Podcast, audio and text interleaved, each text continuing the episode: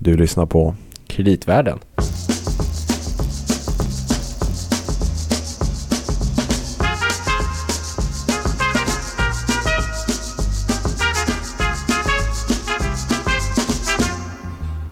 Varmt välkommen tillbaka till Kreditvärlden så här efter sommaren. Eh, som alltid så har jag med mig Louis Landeman, Hej hej! chef för kreditanalysen på Danske Bank Markets i Sverige.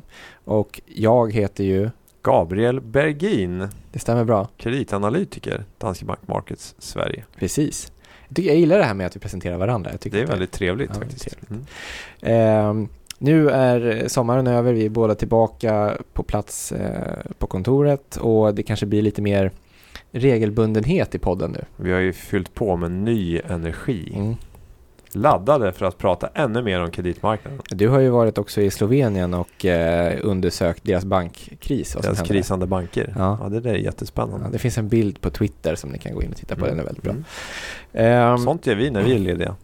vi kan också, eller vi har ju pratat under sommaren en del om rekonstruktion av stater och banker. Ja. eh, faktiskt apropå det. Och det har ju varit ganska passande för att det har ju varit en följetong under sommaren med Argentinas. Argentinas default. Ja, precis. Slutet av juli. Exakt. Mm. Eh, och vi hintade lite grann om det och så blev det ju faktiskt. Och i samband med det har man pratat om att eh, det, möjligheten för eh, eh, stater att genomgå konstruktureringar har varit för dålig för att liksom, Mm. dokumentationen inte, har inte tillåtit det riktigt. Nej, exakt det vi pratade om i förra poddavsnittet där. Och, eh, och en nyhet som kom förra veckan är ju att eh, ICMA eller ICMA International Capital Markets Association. Om Precis. någon mot förmodan inte vet vad detta är. Ingen som lyssnar på den här podden kan väl vara Nej, nej. ovetande. Nej, de har i alla fall kom, nu kommit med en rekommendation eh, eller, em, eh, till eh, globalt och till alla stater som, som ger ut obligationer att man ska använda sig av den typen av klausuler som man införde i, i Greklands obligationsdokumentation efter deras rekonstruktion förra året. Och ehm, Ett sånt ett nytt ramverk kan man säga för Ja. krisande stater. Lite grann. Precis, Mm. och i korthet går det ut på att det ska vara lättare att tvinga sådana som inte vill gå med på en omstrukturering eh, att göra det. Så kunna ta beslut med en kvalificerad majoritet. Istället för att alla måste gå med på någonting. Mm. Precis, så då blir det ett mindre problem kanske med sådana här holdouts. Vi får se, det kommer ju, alltså det kommer ju ta tid för sånt här att Ja. gå igenom för att de måste ju införa det löpande i all dokumentation för nya obligationer, så det kommer ju ta ett tag. Men det är ändå roligt för att då blev det ju lite positivt. För att jag vill, vi ville ju ha någonting positivt där, positivt där för att balansera det här negativa med Grekland. Absolut. Jag tänkte du skulle Så- säga att det, det var ju bra att det kom någonting utifrån, ut att vi gjorde vår podd, att de kom fram till någonting. De lyssnade på Jaha. oss. Ja. Mm. Kan jag hoppas. Mm.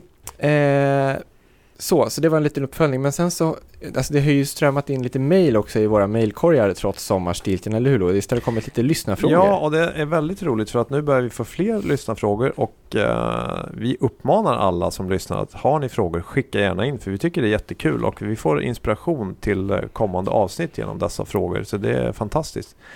Några exempel. Mm. Vi har fått en fråga, eller fråga, kanske kommentar ska vi Mm. säga, från en person vid namn Niklas Rudemo. Det var väldigt insiktsfullt där han diskuterade kring eh, både Grekland eh, och jämförde eh, Grekland med Argentina och Japan och eh, resonerade kring vad är egentligen en ohanterbar nivå på skulder för att är det inte det väldigt mycket relaterat till om Eh, landet i fråga vill betala eh, sina skulder snarare än att skulderna i sig är för hög och det där är, det stämmer ju, vi håller helt med och vi säger så här Niklas, vi ska faktiskt ta ett särskilt avsnitt kring, för vi började då resonera kring det här med Japan och eh, kanske bjuda in en, en gästartist.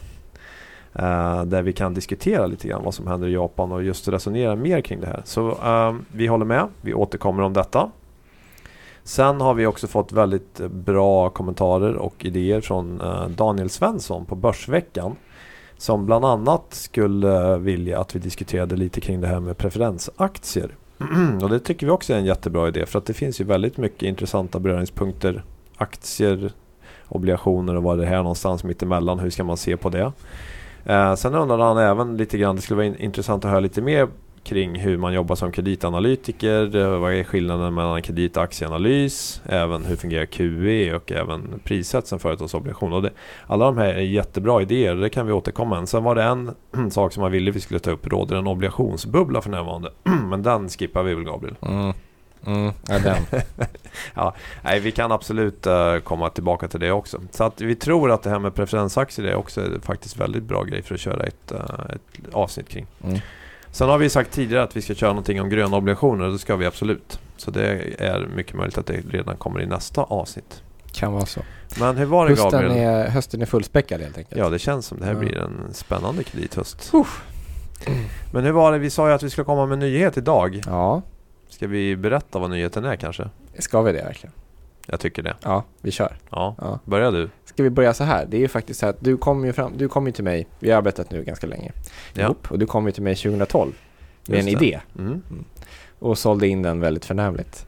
Eh, och idag har vi ju resultatet av den. Och det du sa var att, har du tänkt på att när man läser om kreditmarknaden i allmänhet och särskilt om företagsobligationer i Sverige så Mm, finns det liksom mm. ingen information. Nej. Eh, skulle det inte behöva skrivas en bok? Och du var genast med på den idén. Ja. Och nu är boken klar. Och Ja. det tycker vi är väldigt, väldigt roligt. Så att eh, idag släpps den här boken om företagsobligationer ja. på Eklits förlag. Och den finns redan, jag var precis inne och kikade, den finns redan på Bokus och Adlibris och CDON och alla de här. Och som en slump Mm. så heter den faktiskt undertiteln, eh, förutom företagsobligationer, är från AAA till konkurs. Och det var ju ganska lustigt för det är faktiskt ett avsnitt i den här podden som heter precis samma sak. Det är helt sjukt. Vilken till... Hur kunde vi veta? Ja. Ni, Nej, som, ni som har lyssnat på podden kommer att se att vissa av de här grejerna som vi har tagit upp eh, faktiskt finns eh, med i boken Mm. på olika sätt och vis.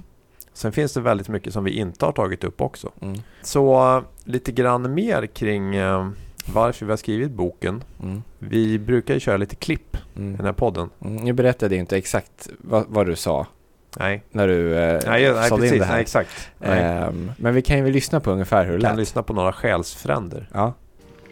Well, me and the Lord, we got an understanding. We're on a mission from God.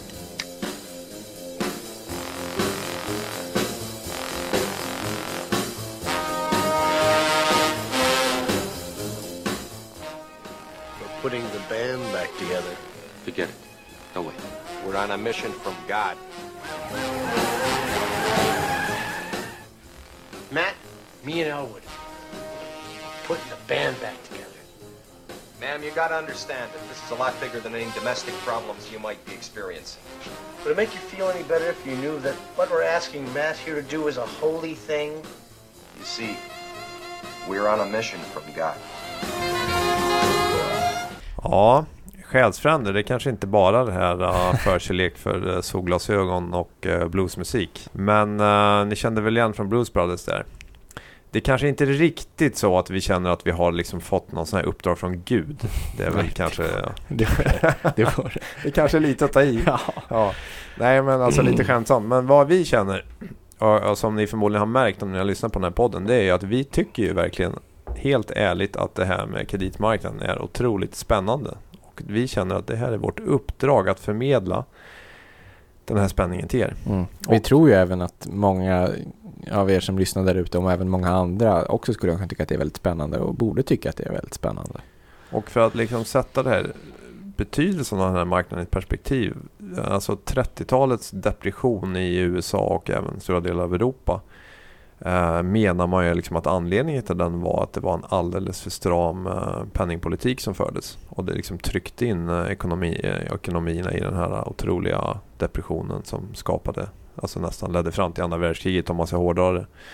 Och eh, om vi sen relaterar till vad man gör i USA, har gjort då med den här QE, quantitative easing och köper statsobligationer en masse. Så är det i sig en funktion av att man är rädd för att så att säga upprepa det misstaget man gjorde på 30-talet. Och Mm. då kan man nu kanske diskutera, är, går man för långt åt andra hållet och ska man normalisera räntorna? Hur, vad kommer hända den dagen? Och i, i de här sammanhangen så är ju kreditmarknaden otroligt, alltså det är ju den som Central. står i, i centrum för Mm. alltihop. Mm. Och ändå pratas det så väldigt lite om den.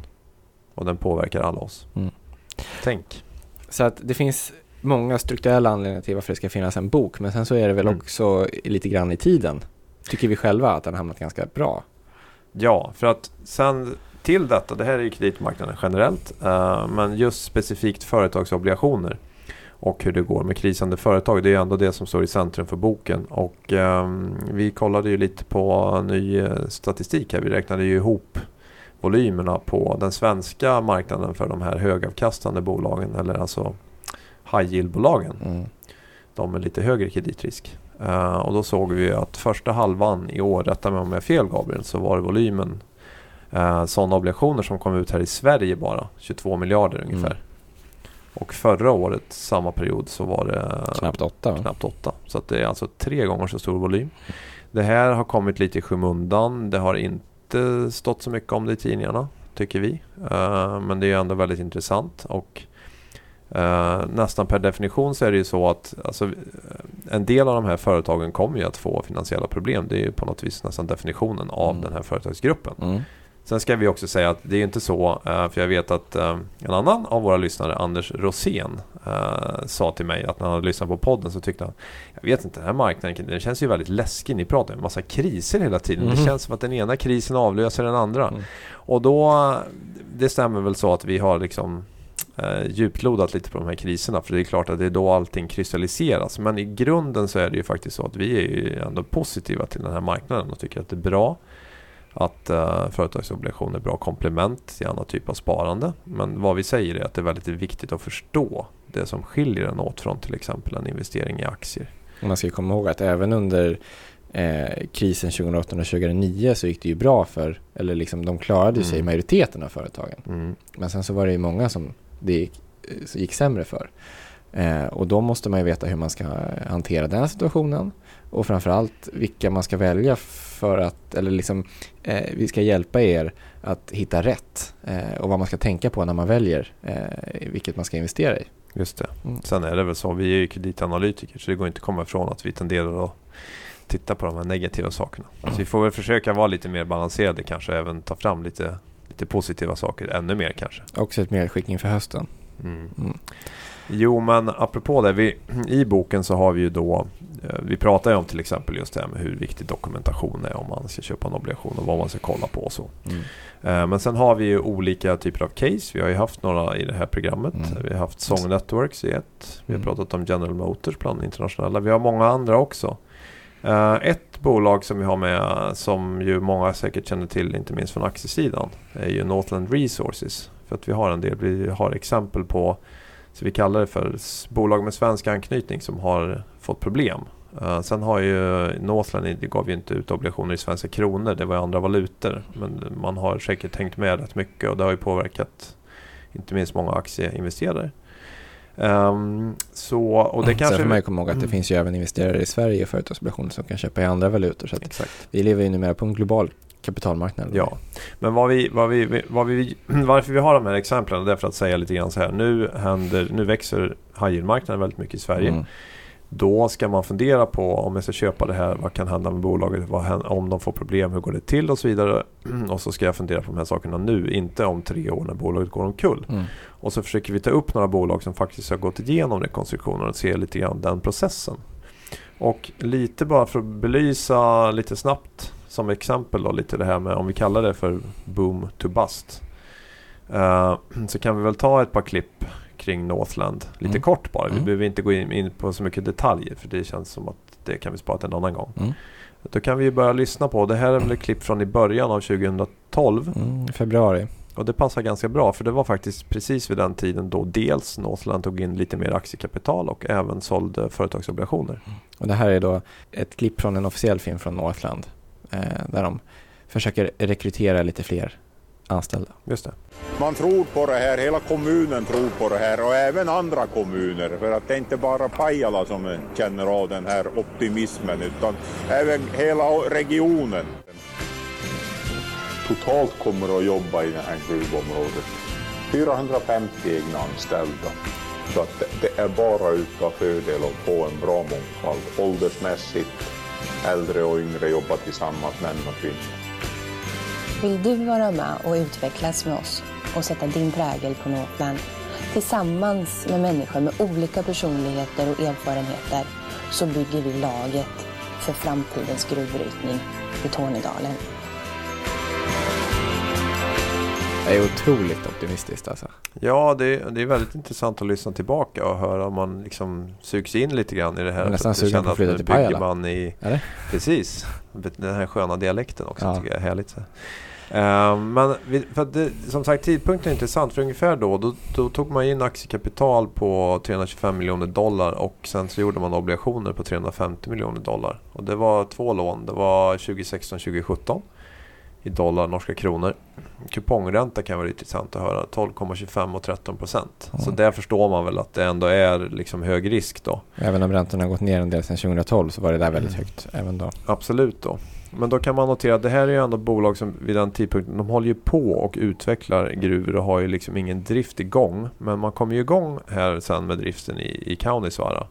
Men problemet är ju då att det blir ju så många sådana här projekt, det blir en del förseningar och så vidare och det visar sig då eh, egentligen, ja, så att det kommer fram i slutet på 2012 och egentligen är det väl precis i början på 2013 då att man så säger man att man har inte tillräckligt med- med finansiering och kostnaderna har blivit högre än vad man har trott. De har haft problem med valutakurserna och sen järnmalmspriset då sist men inte minst är då lägre än vad man har, har budgeterat. Då. Eh, och då blev det egentligen en likviditetskris och sen där inledde man diskussioner kring 2013. Vi behöver inte gå igenom detaljerna men kontentan är väl att efter väldigt många dra- dramatiska turer så lyckas man så småningom genomföra en företagsrekonstruktion under våren Mm. 2013. Och eh, då kan man säga då är väl allt frid och fröjd. Men tyvärr så har det ju varit så att framförallt alltså under senaste året så har järnmalmspriserna fortsatt att falla Mm. eh, ytterligare kraftigt. Och eh, under sommaren här nu så har man ju fått egentligen en ny eh, ja, likviditetskris då. Eh, och har tvungen att liksom inleda en ny process kring en rekonstruktion. Och där skulle vi ju kanske kunna lyssna på rekonstruktören Mm. som även var inblandad tidigare, Lars Söderqvist. Bolaget ställde in betalningarna den 30 juni och gick då in i en informell företagsrekonstruktion. Och eh, utgångspunkten för den informella företagsrekonstruktionen var att man inom relativt kort period skulle kunna komma överens med eh, samtliga leverantörer för att säkerställa då att produktionen upprätthölls. Och det som har inträffat under mellanperioden det är att även att alla förhandlingar har inte gått så smidigt som man ursprungligen hade tänkt sig. Och därför så har det, så att säga, eh, har- man inte kunnat då träffa nya överenskommelser med samtliga leverantörer. Eh, men genom då att gå in i en formell företagsrekonstruktion så kan man då säkerställa produktionen genom att helt enkelt eh, tvinga fram eh, fortsatta leveranser av varor och tjänster. Vad innebär det här för produktionen uppe i Kaunisvaara? Ja, det innebär egentligen att man då så att säga blir mer säkerställd i produktionen. Produktionen har ju kunnat fortgå utan avbrott. Men för att undvika att det uppkommer avbrott eh, så har man ju då valt den här för, formella företagsrekonstruktionen. Ja, det där var ett inslag då från P4 Norrbotten med rekonstruktören Lars Söderqvist Ganska nyligen. mm. i juli. Ja, och eh, jag menar, det finns ju flera intressanta lärdomar och saker som jag tror jag har berört tidigare också i det här. Och en av dem är ju såklart att när man har en hög skuldsättningsgrad som bolag så, så, så finns det så att säga väldigt begränsat utrymme för förseningar och misstag. Och det, när man har så väldigt hög projektrisk så är det såklart att då kan man diskutera i efterhand det kanske inte var så bra att man tog upp så mycket lån. Att man kanske skulle haft helst ännu mycket mer i aktiekapital istället. Men det blir så att säga risken när det finns god tillgång på riskkapital man ska säga då, så, så kan det bli så att man tar på sig en hög skuldsättningsgrad. Sen är det ju så att genom den tidigare rekonstruktionen i alla fall så var det så att även där så blev ju obligationsägarna så att säga de nya aktieägarna i bolaget och kom in och tog över en, eh, en stor del av bolaget i samband med det. Eh, Så det är också någonting som vi har sett att det är inte ovanligt att, eh, att den typen av förflyttning sker om man ska säga. Mm. Men sen kan vi också konstatera att även då efter den här rekonstruktionen så är man ju inte immun mot vad som händer på marknaden och att man nu då har fått problem igen med att järnmalmspriserna har, har fallit. Men vi kan ju också se att ett De är bolag väl på um, 96, alltså i juli så var de på 96 ungefär och de var på 187 i februari 2011 när man liksom satte igång det här projektet. Så Ja, att, i priserna. ganska precis. stor skillnad. Ja. Men sen kan vi också notera att bolagets drift är ju fortsatt igång och vi har ju leverantörer som Peab och Metso till exempel som har varit med och ställt upp Mm och det finns liksom starka incitament att liksom bolaget är mer värt om man driver den självklart skulle stänga allting och sälja så blir det nästan ingenting kvar. Så att man kan fortsätta verksamheten men det innebär ju som, van, som vanligt, jag på att säga, men att innebär ju inte att man inte kan drabbas av en stor förlust som både aktie och obligationsägare i den här typen av bolag. Så, ja, lite om detta. Vi ska inte som sagt prata mer så mycket ju- detaljer om det. Men det är ett av bolagen som finns med i boken i alla fall. Så man kan ju läsa mer om det där. Ja, Och det finns andra också. Vi har med eh, Nobina, ett annat svenskt. eh, svenska bussföretaget också jätteintressant. Som Ja. har gått igenom ett par omstruktureringar. Oj. Jag blir nästan sugen på att läsa den här boken igen. Ja, Ja. det är faktum är att man börjar här bläddra lite och upptäcka små guldkorn här och där. Det finns ju även en del, det finns ju en ganska spännande intervju också med en investerare som har lång och stor erfarenhet av att just investera i företagsobligationer men också lite mer så riskabla, sådana som vi pratar om Just nu. det. Mm. Och berättar på ett ganska praktiskt sätt om man säger hur man kan se på det här lite grann. Heter Jens. Jansen. Ja, Mm. Mycket intressant. Men nu har vi ju sålt klart vår bok kanske. Eh, vi hoppas Ja, att ni ska precis. finna den både intressant och lärorik. Och sen kan vi ju säga det att ingenting här i världen är perfekt, så icke heller denna bok. Så det kommer säkert att upptäckas saker som ni tycker saknas eller kanske tycker ni till och med att någonting inte alltså är lite felaktigt beskrivet. Så eh, hör gärna av er till Mm. oss för att vi vill ju att den här boken ska leva länge än och kanske kommer någon reviderad upplaga så småningom. Då kanske vi lägger in något avsnitt om till exempel eh, vad vet jag, preferensaktier eller något annat. Det finns ju stora möjligheter att utveckla det och vi gör det gärna tillsammans med er. Mm. Så att, eh, kom gärna med idéer och synpunkter även här. Och det som gäller då, alla kommentarer vare sig, sig gäller boken eller podden så kan ni mejla oss på brev.kreditvarden.nu eller skriva oss på Twitter eller någonting så, så finns vi ju där. Mm. Men vi kanske slutar där. Det här får vara lite eh, kortare och så får det vara som en liten uppstart Ja. för den här höstsäsongen. Det låter mycket bra. Ja. Vi utlovar som ni har hört mycket spännande. En spännande kredithöst. Precis. Och nästa gång då så får vi kanske prata om. Gröna obligationer. Det låter ju fantastiskt. Det är väldigt eh, spännande faktiskt. Mm. Och, och eh, någonting som eh, är väldigt viktigt på många sätt och vis. Mer om detta i nästa avsnitt. Tack för idag. Tack själv Gabriel.